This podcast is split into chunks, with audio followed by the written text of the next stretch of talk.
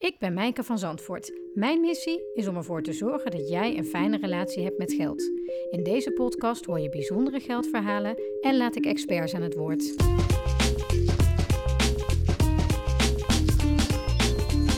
Hallo, hallo. Het is weer tijd voor een nieuwe aflevering van de Rijker Leven podcast. Leuk dat je weer luistert. Vandaag kun je luisteren naar het interview dat ik had met financieel coach Eve van Opdorp. Ik ben enorm fan van haar omdat ze als geen ander financiële zaken in gewone mensentaal bespreekt en daarmee dus ook bespreekbaar maakt. Je kent haar misschien van televisieprogramma's als Uitstel van Executie en Hoeveel ben je waard? En misschien heb je er wel eens gehoord uh, bij een lezing bij jou in de buurt. En ze maakt ook boeken en deze maand kwam haar nieuwste boek uit, Pubers en Poen, wat kun je als ouders het beste doen? Want we leren onze kinderen van alles in de opvoeding, maar als het op geld aankomt, vinden we dat blijkbaar nog heel erg lastig. Daar hebben we het uitgebreid over in ons gesprek, maar zeker hebben we het ook over hoe Eve zelf omgaat met geld. Ze was zelfs bereid om haar financiële blunders met ons te delen. Want ook financiële coaches en experts als Eve van Opdorp zijn gewoon mensen voor wie het soms lastig is om de juiste financiële beslissingen te maken. En hoe tof is het dan als iemand dat met je deelt, zodat wij er allemaal weer van kunnen leren. En luister vooral door tot het einde van deze aflevering, want voor het eerst in de geschiedenis van de Rijker Leven podcast mocht ik een cadeautje weggeven, namelijk het nieuwe boek van Eve. Ik wens je heel veel plezier bij deze aflevering van de Rijker Leven podcast. Vandaag zit ik aan tafel bij Eve van Opdorp in Rosmalen aan uh, haar keukentafel. Ze zei uh, twee seconden geleden: Je mag me alles vragen en ik heb geen geheimen.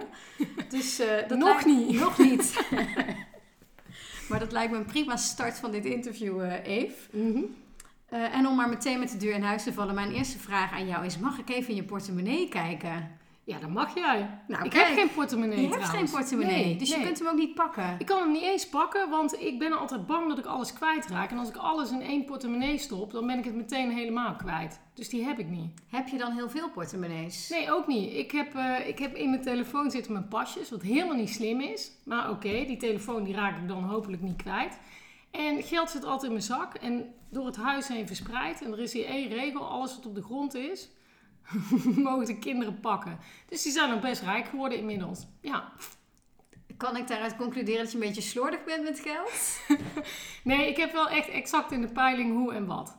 Dat wel, ja. Dus jij weet, op dat kastje ligt 20 euro, op dat kan Ja, er ligt hier op allerlei verschillende plekken ligt geld. En dat vind ik ook een fijn idee. Dus ik heb en knisperend in mijn hand. En op plekken kom ik af en toe eens iets tegen. Ik heb ook één roze pot, daar zit allemaal klein geld in.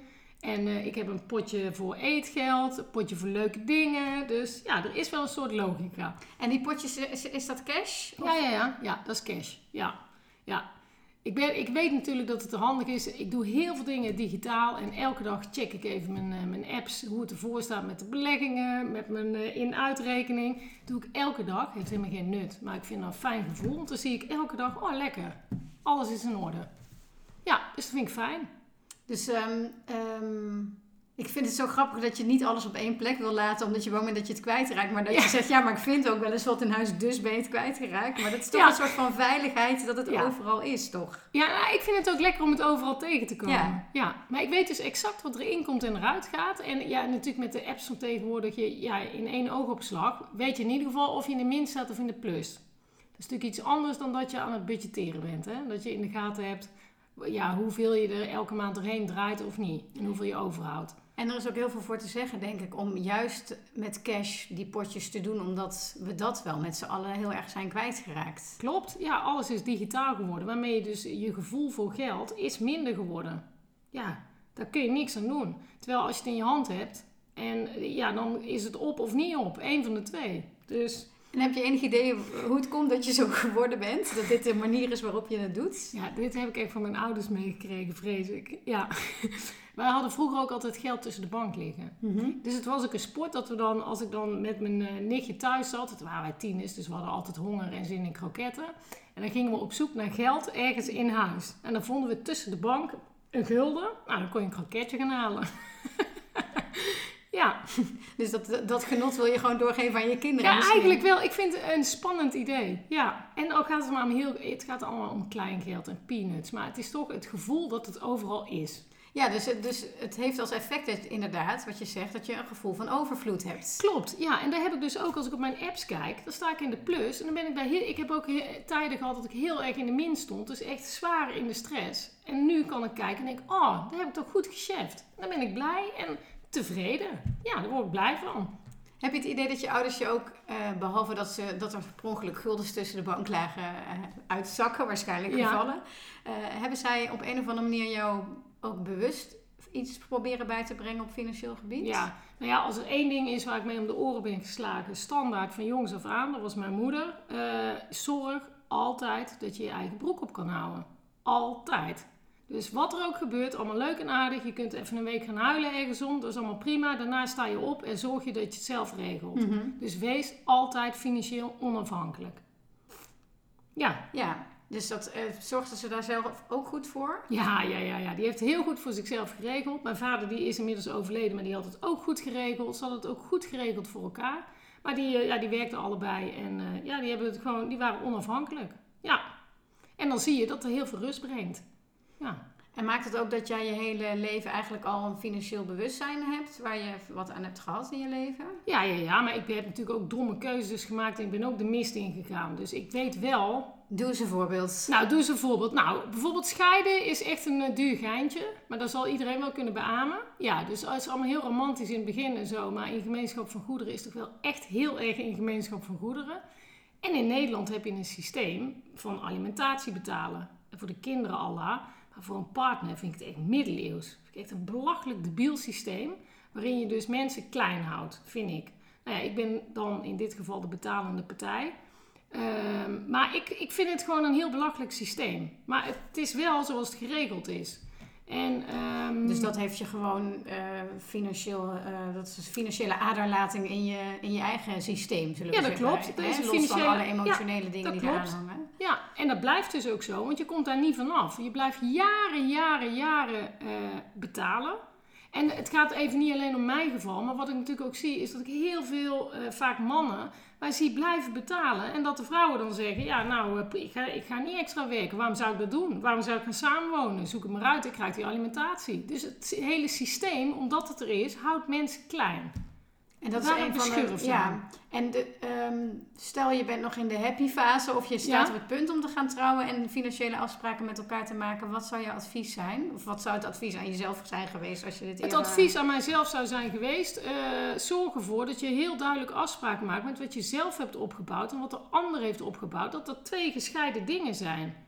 En dat je met elkaar, vanaf het moment dat je met elkaar bent, dat je de boel eh, regelt op de manier die je fijn vindt. Vind ik het heel logisch dat je dingen deelt. Dat past ook bij me. Maar als je weer uit elkaar gaat, dat je ook tegen elkaar zegt: Nou gaan we allebei weer op eigen benen staan. De groeten ermee.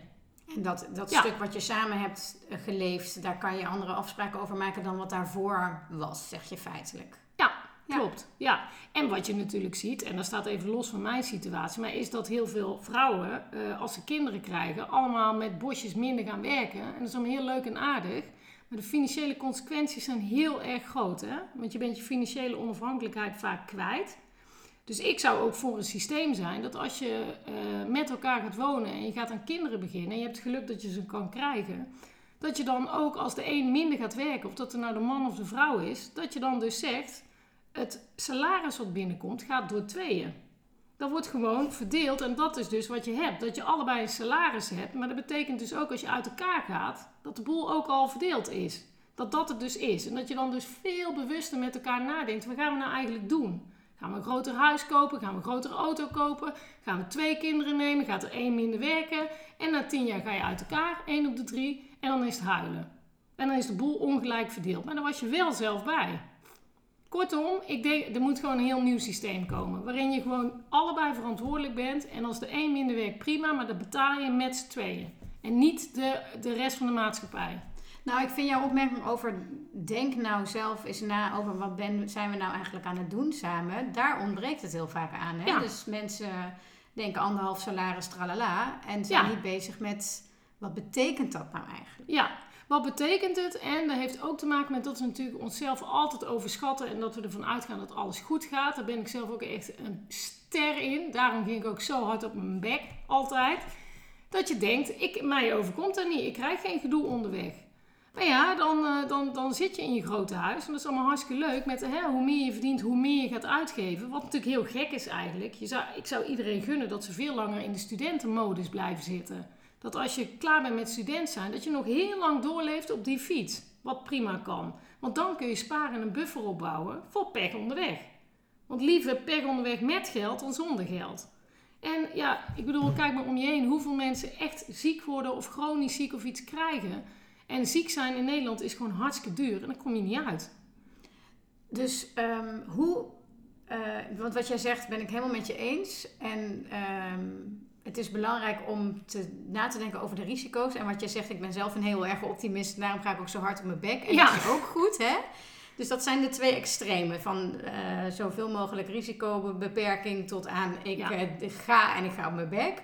Hoe kan je zorgen voor een balans? Hè? Want nou, je wil niet ook alleen maar de hele tijd bang zijn nee, als je nee, wel gezegd nee, inmiddels, inmiddels natuurlijk, hè, aldoende word je wel wijzer. Ik ben inmiddels 45 jaar, dus het zou ook onderhand wel handig zijn als ik daar een modus in heb gevonden. En die gun ik iedereen. Ik denk dat je begint bij het fenomeen dat geld wel degelijk gelukkig maakt. Het feit dat je geld op de bank hebt staan en dat je genoeg hebt, dus een buffer hebt die voor jou uh, voldoende is, waardoor je lekker slaapt. Hè? Dat je denkt, als ik nou morgen, als ik ontslagen word of ik word ziek of wat dan ook, dan heb ik genoeg geld op de bank staan in mijn buffertje, waarmee ik een jaar vooruit kan, of een half jaar, ik weet niet wat, wat je zelf fijn vindt. En daarmee creëer je gewoon heel veel rust in de tent. Je kunt niet alles afdekken en uh, ja, onheil kun, je, kun je niet afkopen. maar het is ook een illusie om te zeggen, dat overkomt mij allemaal niet. Dus ik hoef daar niet over na te denken en geen rekening mee te houden. Dat is natuurlijk ook onzin. Het is gewoon heel fijn om genoeg buffer te hebben. Ja. Jouw scheiding is eh, het eerste wat in je opkomt als je het hebt over uh, nou, dingen die anders hadden kunnen mogen gaan. Ja, Zijn er nog andere dingen die je hebt meegemaakt waar we de luisteraars mee kunnen helpen? Van de lessen die je daaruit hebt geleerd? Misschien toen je wat jonger was als student? Of... Ja, ja, nou ja, als student niks. Ik, ik bedoel, um, wat ik de studenten nu altijd vertel, dat geef ik als een masterclass aan studenten. En dat zijn dan studenten economie, geneeskunde, alles loopt daar rond. En die hebben allemaal een duo-depressie inmiddels. Dus een duo-depressie, dat is een mooi woord. Ja, een duo-depressie. Wat is een duo-depressie? Nou, duo-depressie is het fenomeen dat ik ze dan vertel van... Goh, hoeveel ben je nou eigenlijk aan het lenen? En dan zeggen ze bijvoorbeeld, nou, gewoon maximaal 1000 euro. Dan zeg ik, oh, oké. En hoeveel is er na vier jaar dan? Ja, uh, hè, rond de, nou, noem eens iets, 48.000 euro, zoiets, toch? Um, en dan kijken ze mij heel verschrikt aan. En dan zeg ik, ja, maar heb je het nou nodig? Is het noodzakelijk dat je dit aan het lenen bent? Of uh, moet het echt? Ja, nee, is niet noodzakelijk. Zeg ik, en waarom ben je het aan het doen dan? Want het moet wel terug, ja? En dan komt er een soort van zwamverhaal van ja, maar de rente is zo laag en iedereen doet het. En dat maakt niet uit, want ik kan er 35 jaar over doen om het terug te betalen, dus geen probleem. Maar het moet wel terug. En dat is weer zo'n overenthousiast uh, idee. Dat je denkt, ja, maar als ik het nu leen, straks ga ik werken. In, in een jaar heb ik het terug. Maar 50.000 heb je niet in een jaar terug. De meeste. Kortom, ik heb uh, zelf ook... Ik denk dat ik echt een, eh, een, ja, een soort van... Ik denk toch wel dat ik een, een slijterij heb gefinancierd in mijn studententijd. Minimaal, ja. Nou, dat ging dus niet aan zelfontwikkeling op. Nee, maar gewoon echt eh, bierdingen, weet ik het wel. Dus ik heb echt heerlijk gefeest en gedaan. Maar ik had natuurlijk wel ook een studieschuld. En als ik daarop terug ga, ik denk ja, dat is niet zo'n handig plan. Ik heb een leuke tijd gehad, daar niet van. Maar het had ook wel iets minder gekund. Ja. En uh, nou ja, dan ben je student en denk je, ja, leuk dat Evert zegt, maar uh, Amahula, uh, mijn vrienden gaan een weekje naar Ibiza goedkoop met het vliegtuig. Hè? Mm -hmm. Dat kost 1000 euro. Als je daar op Ibiza het ook nog gezellig wil hebben. Ja. Um, wat, wat, maakt dat je wel dat durft te kiezen? Om dan bijvoorbeeld niet mee te gaan of om bijvoorbeeld minder te gaan lenen?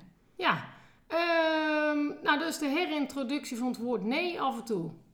Wie zegt dat alles continu de hele dag maar moet kunnen? Dat is toch ook een beetje raar? Mm -hmm. Dus soms is het gewoon nee, dat ga ik niet doen. Want het kan even niet. Of je zegt ja, ik ga het wel doen, maar dan heb ik ervoor gespaard. Dat is natuurlijk ook een optie. Hè? Er zijn er genoeg die hebben helemaal geen lamme handjes, kunnen gewoon prima werken en dat doen ze ook. Dus ja, en soms is het gewoon nee, niet nu. Nou, dat is nogal moeilijk voor deze generatie, geloof ik. En ik zie bij studenten vaak ook het, ehm, eh, be- beperkte besef van wat een salaris na je studie nou eigenlijk is en kan zijn. Dus Ach, zij joh. hebben in hun hoofd dat ze misschien meteen eh, 3000 netto per maand kunnen gaan verdienen. En dan denk, ik denk dan, waar komt dat vandaan dat je dat denkt? Want Ja. het is vaak eh, de helft. Of je, wil, je werkt vaak niet fulltime. Of je gaat als freelancer aan de slag enzovoort. Dus Ja. Dat zit toch ook verkeerd in die hoofden wat, het, wat een salaris van een volwassene... is. Nou, ik geef les op scholen en eh, wat je daar ziet, en dat geldt echt van, van MAVO, HAVO, VWO, of ze nou eh 12 zijn, 16 of 18, dat maakt allemaal geen fluit uit. Als ik daar inderdaad vraag, wat denken jullie nou dat je gaat verdienen als je straks echt gaat werken? En dan netto, hè, niet bruto. Nou, dan moet je niet verbazen als bedragen voorbij komen, start, startbedrag tussen de 5000 en de 8000 euro. Nou, dan vertel ik ze hoe het echt zit en wat een modaal inkomen is. En dan vallen ze allemaal achterover. Ik zeg, ja, maar wat, wat denken jullie dan? Maar dat komt omdat er vaak thuis niet over gepraat wordt. Dus ja, hoe moeten ze dan weten? Dus wij gaan er allemaal van uit eh, dat die kids alles al weten. Maar dat is natuurlijk één dik groot misverstand, want dat weten ze dus niet. En bij de wiskundeles gaan ze het niet leren, bij de economieles ook niet. Dan moeten ze het thuis leren. Dus, ja, dus er van zit een hele belangrijke rol voor de ouders. Want als mijn zoon aan mij vraagt wat verdien jij, dan vertel ik dat gewoon. Ja. Ik kan me voorstellen dat mensen dat soms moeilijk vinden. Te zeggen, nou dat eh, hoef jij niet te Nee. weten, zal vaak een antwoord misschien zijn. Ja, maar dan ga je gewoon over op te zeggen van nou, eh, dat voor mij hoef je niet te weten. Maar wat denk je dat er gemiddeld iemand in Nederland eh, verdient? Nou, rond de 2, 2200 euro voor een hele werkweek. En dan zeggen ze nou, het is nog best veel zijn er sommigen. Dan zeg je, oh nou ja, dat kan. Maar kijk eens even wat er allemaal vanaf gaat. Voordat er nog iets overblijft. De huur, de hypotheek, verzekeringen, zorgverzekering, al dat soort. En dat is hartstikke leuk om dat met ze te doen. Want ze weten het gewoon vaak niet. Dus jij zegt, het begint met inzicht. Inzicht, ja. Welke facetten van inzicht heeft iedere Nederlander nodig om eh, financieel ehm, capabel te zijn Ja, eigenlijk? Hè? Ja, nou, dat is heel simpel. Er is maar één ding waar je mee hoeft te beginnen en te eindigen. Dan ben je eigenlijk al klaar. Zo simpel is het. Zorg altijd dat er meer inkomt dan uitgaat. Denk je, ja, lekker inkoppen. Lekker simpel. Maar zo werkt het dus niet, want 40% van de Nederlanders heeft geen idee wat er inkomt en eruit gaat. Kortom, dat is bijna de helft. Hè? En waarom? Omdat de maatschappij rete ingewikkeld is geworden. Maar ook omdat we gewoon te lam zijn om te kijken wat komt erin, wat gaat eruit. Dus we zien wel op ons scherm of we in de min staan of niet. Maar we zien niet structureel hoe onze eigen geldzaken vaak werken. En dat is echt wel een ander verhaal. En heel vaak, of mensen nemen de moeite niet. Dus als ze veel verdienen, gaat er ook veel uit. Of nog meer dan veel. Ehm, en ja, dus, dus daar gaat het vaak mis. Dus er is eigenlijk maar één regel. Zorg dat er meer inkomt dan eruit gaat. Daar begint en de het. moeite is feitelijk. eh, de, moeite, de feitelijke moeite is echt maar een paar uurtjes werk. Pak je rekeningen, Ja. draai een half jaar in, in, in en uitkomst. Hoe zeg je dat? Ja, De- ja, zet een het op een rij. eh, Kijk eens even uit. terug. Ja. En, zie de, en je ziet de patronen. En sterker nog, dat zeg ik ook altijd tegen mensen als ik een eh, lezing geef, zo, ook voor ouders, hè, bij ouderraden. En dan, dan, dan geef ik ook aan, dan zeg ik, ja, weet je, als jullie het al niet weten, hoe moeten die kinderen van jullie het dan weten? En als je er zelf nou te lam bent om het uit te zoeken, je hebt altijd iemand in de buurt met een Excel-blouseje aan, of die daarvan houdt, die daar blij van wordt, dan vraag je die. Mensen willen elkaar echt wel helpen. En zeker geldtypes die dat leuk vinden, die vinden het heerlijk om iemand te helpen. Nou, dus dan moet je gewoon zorgen dat iemand anders het mee voor je bekijkt. En dan heb je daar voor de rest van je leven iets aan. Want het is één keer goed bekijken en dan, ja, dan kun je door. Ja, want dat is eh, Dan kun je keuzes systematiseren. Ja, precies. Klopt. Eh, dus dat is wat je kan doen om inzicht te krijgen. Jij, eh, jij hebt het altijd over eh, zeven stappen hè, om Ja. mensen financieel capabel te, te laten zijn. En je hebt een boek in de maak. Ja, Dat heet Pubers en Poen. En dat is het, het- de, de titel is misschien een beetje. hoe zeg je dat? ehm, kan niet op het woord komen. Ja, ik ben benieuwd. nou ja, uiteindelijk gaat het natuurlijk om de ouders van de Ja. pubers. Die de Ja, pubers ja. Dus het is eigenlijk ouders van pubers en poen. Maar het- dat hij vertellen heet er niet bij. Ja, ja, ja. Hij heet Pubis en Poen. Wat, zou jij als, wat kan je als ouder het beste doen? Ja, oh ja dat is de hele titel. Dus dat is de hele titel. Dus die ook nog rijmt. Ja, ja, ook nog eens kun je nagaan, hè? Ja. En je bent nu de laatste hand aan het leggen. Maar ik heb het manuscript daar, daar net even gezien. Mhm. Eh, daarin behandel je eh, die zeven stappen. Kan je er eens doorheen lopen wat, eh, wat die stappen zijn? Ehm, ja, het begint gewoon met meer in dan uit. En Ja. dat betekent dus dat je als ouder ook moet zorgen dat je zelf overzicht hebt en inzicht. Want pas dan, ik bedoel, ze gaan jou echt niet geloven als je dan met je puber gaat zitten van... joh, wat komt erin en wat gaat eruit bij jou en waarom eet je zoveel hamburgers op? En dat ze dan echt kijken van, ja joh, je weet het zelf niet eens. Dus dat gaat hem niet worden. Dus je moet eerst zelf uh, overzicht creëren. En dan ga je met je puber zitten. En meekijken, wat gaat er daar in en uit. Ja. En dan zijn er ook ouders die zeggen, ja, maar dat maakt toch niet uit. Want als ik ook maar iets zeg, ze luisteren toch niet. Ja, maar er is ook niemand die heeft gezegd dat het makkelijk is, hè. Ik heb er zelf een van acht, maar ook een van elf die nou begint te stuiteren. Ja, herhalen, herhalen, herhalen. En ooit gaat het in het brein zichzelf ontwikkelen en komt het goed. Maar als we niks doen, komt het niet goed. Dus jij zegt het is echt een wezenlijk deel van opvoeden, dit. Ja, klopt. Het is, uh, voorlezen vinden we allemaal heel normaal tegenwoordig. Van, oh ja, dat moeten we wel doen. Financieel opvoeden is ook heel normaal. Dus wij moeten ze klaarstomen voor de, voor de grote mensenwereld. En die is nu wezenlijk anders dan onze wereld. Bij de jongeren gaat alles supersnel. Uh, alles is mogelijk.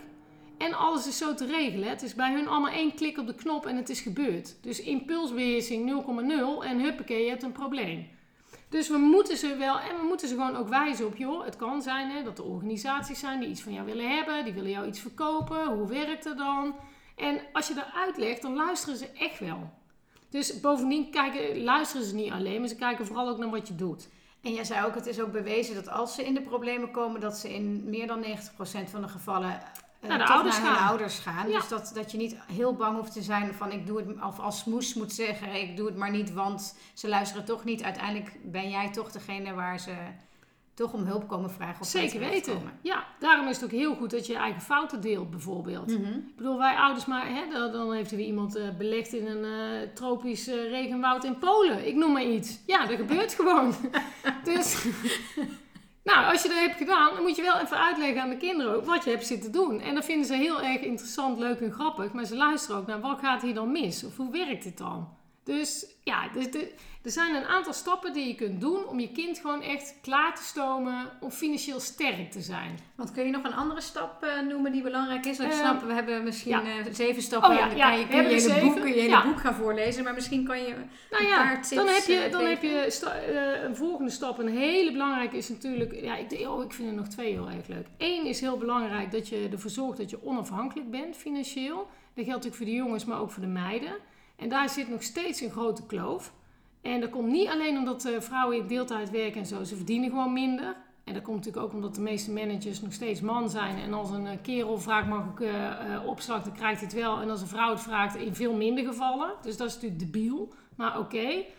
Um, en dus, wat is financieel onafhankelijk? Wat is jouw definitie daarvan? Mijn, mijn definitie van financieel onafhankelijk is dat... Um, dat je, dat je je eigen broek op kan houden. Dat wil niet zeggen dat je veel geld moet hebben, maar je moet wel genoeg hebben om je eigen broek op te houden. Ja, dus op het moment dat je alleen komt te staan, moet je in ieder geval ergens je, kunnen wonen en genoeg kunnen Dus als je met z'n tweeën een huis gaat kopen, dan kun je er beter op uh, één salaris doen dan op twee. Ja, ja. daar. Dus, dus, ja. dus daar gaat het. Maar het gaat ook over het onderhandelen van meiden. Want wat je nu nog steeds ziet, is dat ze heel laag inzetten. Kijk, als, stel ik ben een werkgever en ik heb twee uh, even gechargeerd. Hè. Ik heb een jongen voor me zitten en dan vraag ik aan hem, hè, een, uh, een jongere, van goh, hoeveel uh, wil je gaan verdienen per uur? Nou, zegt hij, uh, nou doe maar, doe maar 12,5 euro per uur. Dan zeg ik, nou ja, 12,5 is wel heel veel, maar het kan voor 11. Nou, is goed, zegt hij dan. Dan heb ik een meisje tegenover en zeg hoeveel wil je gaan verdienen per uur? Ja, weet ik niet. Nou, zeg ik dan, dan wordt het 7,5 euro per uur. Nou, is goed. Want ik heb nog geen ervaring, want ik weet het nog niet helemaal. Nou, en die, die, die zaken, die moeten we echt met z'n allen als ouders, maar ook op scholen gewoon bijspijkeren die handel. Dat die jongens en meiden gewoon op hetzelfde niveau beginnen. Want als je nu al laag insteekt, dan scheelt je daar meer dan een ton in een heel arbeidsproces. Dus vrouwen zijn gewoon slechter in onderhandelen voor zichzelf. Dus dat, dat zit er ook een beetje in. Ja, daar moeten we wel iets aan doen. En dan had je nog één uh, stap die... Ja, één andere die heel erg belangrijk is. En die zien we heel erg vaak over het hoofd. Maar dat is natuurlijk je eigen relatie met geld. Dus ik denk dan altijd... Mijn stokpaardje. Ja, dat is... En daar wordt allemaal overheen gekeken. Maar je relatie met geld, hoe je tegen geld aankijkt ook, is... Daarom roep ik ook altijd, geld maakt wel gelukkig. En dan gaat iedereen gillen van, ah, het is niet waar. Maar er zijn altijd mensen die zelf een dikke rekening hebben. Dus dan kun je, heb je, ja, dan kun je dat ook zeggen. Tuurlijk maakt het wel gelukkig. Want het zorgt ervoor dat je een dak boven je hoofd hebt. Dat als je medicijnen nodig hebt die niet in het uh, receptenboekje zitten of niet vergoed worden, dat je het wel kan betalen. Er zijn gewoon een aantal dingen die je wel kan doen omdat je geld hebt. Dus ja, je kan maar beter wel hebben. Lijkt mij geen probleem. Je kunt ook met geld gelukkig zijn hoor. Dus Dus je relatie met geld, hoe je er tegenaan kijkt, ja, dat vormt mede ook je leven. Wat heb jij daarin geleerd in je eigen leven? Ehm, nou, dat, dat geld dus wel gelukkig maakt. Daar heb ik er echt van geleerd. En dat ik er dus echt ook voor zal zorgen dat het mij heel veel rust geeft. En vrijheid. Dat vooral ook. Eh, de, en en de, het, het, puur het geld geeft mij dan. Ja. En nee, daar koop ik geen geluk mee af. Maar het maakt mij toch wel een stuk relaxter en meer tevreden. En ik kan ook meer leuke dingen doen met kinderen. Dus het is wel degelijk belangrijk. En het helpt je daardoor, door die overtuiging aan te nemen, helpt het je waarschijnlijk ook om een beter salaris te onderhandelen. Natuurlijk, ja, dat is natuurlijk de grap. Ja, ja, ja, ja. Maar ik heb ook, uh, toen ik nog uh, bijvoorbeeld Hoeveel ben je waard dat tv-programma, daar zaten ook mensen bij, die verdienden echt helemaal niet veel. Maar daar ging het hun ook niet om. Die hebben in de jaren gewoon prima gespaard. De 10% regel van elke euro die je binnenkrijgt, 10% apart zetten op de spaarrekening. Die hadden echt een bom met geld. Maar die waren vooral ook gewoon heel erg tevreden. Waar gaat dat programma over? Oh, ja, hoeveel ben je waard? Dat gaat over... Um, een, uh, je komt iemand tegen en dan ga je kijken wat komt erin, wat gaat eruit, wat is spaargeld, dingen, hoeveel ben je waard op dit moment. Ja. Je, uh, en daar zou iedereen eigenlijk gewoon op dit moment ook een antwoord op moeten hebben. Ja, dus je gaat eigenlijk op een rijtje zetten wat is er aan uh, eigendom ja. en wat is er aan schulden. Ja. En, hoeveel als ben je, je dat tegen elkaar afzet, kom je op nul, op min zoveel of, of, je komt in de plus. Ja, klopt. Ja. Ik, kijk, ik kijk geen televisie, dus als alle luisteraars precies weten waar even het over Ik kijk ook geen televisie. Mijn excuses. Nee. maar voor de zekerheid dacht ik, ik vraag je even het uit uh, te leggen. Um, je bent nu heel erg bezig met um, um, motiveren en uh, ouders opvoeden eigenlijk. Hè? Ja. Uh, voorheen deed je een ander televisieprogramma, Uitstel van Executie. Ja, die doe ik nog steeds. Um, ja. Oh, doe je nog steeds? Ja. daarin gaat het natuurlijk over wat als het er niet is. En dan gelden echt andere regels. Omdat als je een tekort hebt als je zegt geld maakt wel gelukkig, het is meer als je het niet hebt, maakt het echt per definitie ongelukkig. Mm -hmm. uh, en en um, gebeurt er ook van alles in je hersenen waardoor je niet meer normaal kan nadenken en waardoor je op die manier ook hulp nodig hebt. Klopt. Dat iemand anders jouw hersens uh, speelt, hè? omdat ja. je het zelf niet meer kan. Dus allerlei adviezen die we dan hier hebben lopen geven, die gelden echt niet als je een tekort hebt. Um, wat, wat is, kan je een voorbeeld noemen van iets wat je tegen bent gekomen dat je dacht van jeetje, dit was echt het extreemste wat ik heb uh, gezien? Um, In jouw, al jouw jaren ervaring, wat je echt het meest heeft of geraakt of verbaasd of um, anderszins hebt gedacht, ja maar hoe heeft dit kunnen gebeuren? Nou, je kunt dus zien hoe belangrijk de rol van geld is in het laatste seizoen van uitstel van executie. Daar hadden we Hedwig en uh, dat was een moeder met twee kinderen. En uh, zij zat in een koophuis en ze was voor zichzelf begonnen en na twee maanden kreeg ze kanker. En uh, nou, ze had geen verzekering. Ze werd ook niet meer verzekerd, want ze was een risico. En uiteindelijk, ze heeft keihard is ze door blijven werken, maar uiteindelijk kon ze de hypotheek niet meer betalen. Kom je bij de bank terecht. En die Want er was ook geen partner in beeld, begrijp nee, nee, nee, ze was een bewuste uh, Alleen uh, uh, ongehuwde... ongehuwde moeder, een bommoeder. Ja. En overigens bij het... toen ik daarna belde voor de wezenuitkering, toen zeiden ze ook... ja, maar ze, die kinderen hebben toch gewoon een vader? Of zei ik, nee, je zit misschien niet in jullie hokje. Maar het antwoord is gewoon nee. Nou, snapte ze ook niet, maar oké. Okay. Um, wat er gebeurde is dus, omdat ze ziek werd... Dus ze was stelstandige vrouw, super huppakee, ging helemaal de goede kant op. Wordt ziek. En... Um, tijdens de uitzending is, ja, niet tijdens, maar tijdens de opnames is ze overleden. En net daarvoor was ze heel erg bang dat ze dus de kinderen met een schuld op zou zadelen. Dat die dus zouden eindigen zonder dat ze hun iets na kon laten. Ze en, kon en dakloos, want ja, die kinderen werden natuurlijk daarna ook het huis uitgezet. Ja, toen hebben we met uitstel kunnen regelen dat er allemaal niet gebeurde. En wat bleek nou? Dat ze zelfs nog, ze had het hartstikke goed geregeld, ze had een levensverzekering afgesloten. En daardoor zijn die kinderen uiteindelijk uh, in het huis kunnen blijven wonen. Ze huren nu allebei, maar ze hebben ook een uh, spaarcentje meegekregen. En gelukkig hebben we het voor elkaar kunnen krijgen om haar nog die mededeling te doen voordat ze is overleden. Nou, en als je de hoofd zag, dus de stress die het gaf dat ze het niet goed had gedaan voor de kinderen. En dat het ineens dus bleek dat ze het hartstikke goed had gedaan. Ja, daar kreeg ik, daar kreeg ik echt wel kippenvel van. Dat je dus ja, net voor je, voor je overlijdt daar nog mee bezig moet zijn überhaupt. Maar zo'n zo, zo'n impact heeft geld. En de eerste vraag die dan bij mij nu opkomt is: hoe kan het dat ze, zich, dat ze zelf zich niet realiseerde dat ze het beter had geregeld dan ze dacht? Was, was Nou, zij die omdat- levensverzekering vergeten? Of was er zoveel stress dat ze dat dus niet meer kon? Nou, er was en zoveel stress, want je zit ineens in een ziekteproces. En ze had gebeld naar de bank en gevraagd hoe het ervoor stond. En dat werd niet duidelijk. Omdat dus het formulier heel onhandig in elkaar zat, waardoor het leek alsof ze het niet had. Maar als je verder keek in het formulier, had ze het dus wel. Dus ze was ook verkeerd geïnformeerd door een medewerker daar. Dus ja, Samenloop en- van en- omstandigheden. in- ja, samenloop ja. van omstandigheden, ingewikkelde taal, ingewikkelde formulieren, laten we wel wezen. Je wordt er ook niet vrolijk van. Dus ja, dan, dan heb je dat probleem. Dat kan gewoon maar gebeuren. Ja. Kleine lettertjes, gedoe. Want dat hoor ik ook in interviews. En eh, eh, ik zag je het stukje hierover bij Jinek eh, vanmorgen nog. Want jullie, Ja. dat, dat heeft heel veel mensen die het gezien hebben, heel veel gedaan. Er is heel veel, dit verhaal is heel erg opgepikt hè, in andere Ja. media. Ehm, en ik, ja, jij wordt dan ook echt boos hè, van, het, van, het systeem. Ja, ja. Want een deel ligt natuurlijk aan mensen zelf. En Ja. een deel ligt van de verantwoordelijkheid en, en de acties ligt bij mensen zelf. Maar Mhm. Eh, wat ik jou ook heel erg hoor zeggen is... eh, eh, het systeem klopt gewoon niet. Nee, het systeem is zo dat we alles hebben opgedeeld bij de grote, bij de grote organisaties, bij de banken, bij allerlei organisaties hebben we alles opgedeeld in stukjes. En iedereen moet een heel klein stukje uitvoeren. Maar een groot probleem past nooit in één stukje. Dus hoeft niemand het probleem op te lossen. Want ze Niemand praten niet zich- met elkaar. Maar dus- niemand voelt zich ook nog verantwoordelijk. Dus als ik dan hè, bij een andere bank iemand aan de lijn heb en ik zeg, joh, we kunnen samen een oplossing krijgen voor die hypotheek. Dus als wij meedoen, dan, hebben we, hè, dan wordt jullie klant er echt beter van. Die houdt minder schuld over. Ja, en dan zegt zo'n hokje gewoon, ja, nou, daar heb ik geen boodschap aan, gaan we niet doen. En dan zeg ik ook, nou, als dit jouw moeder was, zou je dit dan ook zo oplossen? Dus daar, daar word ik dan link van. Dat ik denk van, hoe kan het nou dat... eh, Kom op, je, je zit daar toch niet voor niks. Je staat toch op, je gaat toch naar je werk om iets goeds te doen. Toch niet om, om je aan een of andere lullige regel te houden die ook nog eens nergens op slaat. Want wat is je antwoord daarop? Waarom doet iemand zo Nou, in dat hokje? omdat Want het is geen dus- slecht mens wat daar zit in het hokje. Hè? De- laten we ervan uitgaan dat iemand Ja, naar zijn baan gaat Ja, en te goeder trouw. Hoe komt het dan dat iemand dus in dat hokje blijkbaar niet meer zelf denkt of kan denken? nou, omdat die denken? hokjes dus ook allemaal bang zijn dat er anders hun baan eraan gaat, denk ik. Dus mensen durven ook niet meer met de kop over het maaiveld uit.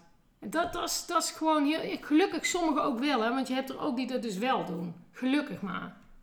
En Dus- in dit geval is het ook uiteindelijk eh, goed gekomen, ook en met medewerking van de betrokkenen, begreep ik. Nou, bij deze bank wel. Ja. In een ander geval niet. Nee. Ja, toen is het wel goed gekomen. maar Niet dankzij de bank, maar ondanks de bank. Daar was het hokjesysteem nogal ver doorgevoerd. Ja. Dus je bent hoe dan ook altijd afhankelijk van mensen. En dan hoop ik dat iedereen die gewoon naar zijn werk gaat en opstaat, dat diegene dan ook denkt van ja, maar ik kan in mijn werk misschien ook iets goeds doen. Zelfs als je slechte boodschap hebt of dingen, dan kan je nog goed informeren. Of op een aardige manier aardig Ja, zijn voor mensen. En als je nou ehm, eh, een aantal tips nog zou mogen geven aan de luisteraars eh, met betrekking tot hun geld. Je hebt al heel veel dingen gegeven. Eh, zijn er nog dingen die je daar nog aan zou willen toevoegen ter afsluiting van het interview? Ehm, als je kinderen hebt, zorg er dan voor dat je echt van jongs af aan met ze over geldzaken praat. Gewoon de huisstaande keuken geldzaken. Maak dat ook heel normaal. En blijf vooral ook meekijken als ze 18 zijn. Want dan zijn ze zelfstandig, financieel zelfstandig. En hoe liever je kind, hoe groter de valkuilen. Dus blijf opletten, juist dan. Want als ze 18 zijn, beslissen ze zelf, zijn ze zelf verantwoordelijk. Maar hun prefrontale kwap, dus de voorkant van hun hersens, die gaat over de lange termijn over plannen en over impulsbeheersing, die is nog niet volgroeid. Dat is pas rond de 23ste. Maar juist dan, op de 18e, zijn ze zelfstandig. dus ze zorg zijn een hele kwetsbare leeftijd. Ze zijn hartstikke Ja. kwetsbaar. Dus wij verwachten iets van ze waar een heleboel, hele volkstammen helemaal niet goed in zijn. Dus als ouder vind ik, ja, dan, juist dan, zorg ervoor dat het normaal is om erover te praten. Van tevoren al. En dan is het dan ook helemaal geen issue. Dan komen ze naar jou en dan maak je samen mee een plannetje. Dus, En lees eh, het boek eh, Pubers en Poen. wat kun je als ouder het beste doen? Ja, En om dat makkelijker te maken voor mijn luisteraars, eh, hebben we net spontaan bedacht dat we een eh, winactie doen. Ja. Mijn allereerste Rijke Leven podcast winactie. Yay! Superleuk. Ehm, en laten we het gewoon eenvoudig maken. Stuur een mailtje naar mijke.rijkerleven.nl Mijke met een korte ei. Eh, en dan zullen we de twee mensen, zullen we er twee, kunnen we er twee Zeker, tuurlijk. Ja? Ja, ja, Top. ja. Twee mensen die eh, denken, yes, ik wil dat eh, gaan doen met en voor mijn kinderen. Stuur mij een mailtje, eh, dan zoek ik de leukste eruit. En eh, zorg ik dat eh, het boek naar je wordt toegestuurd. Kijk. Dankjewel Eve. Nou, jij dankjewel.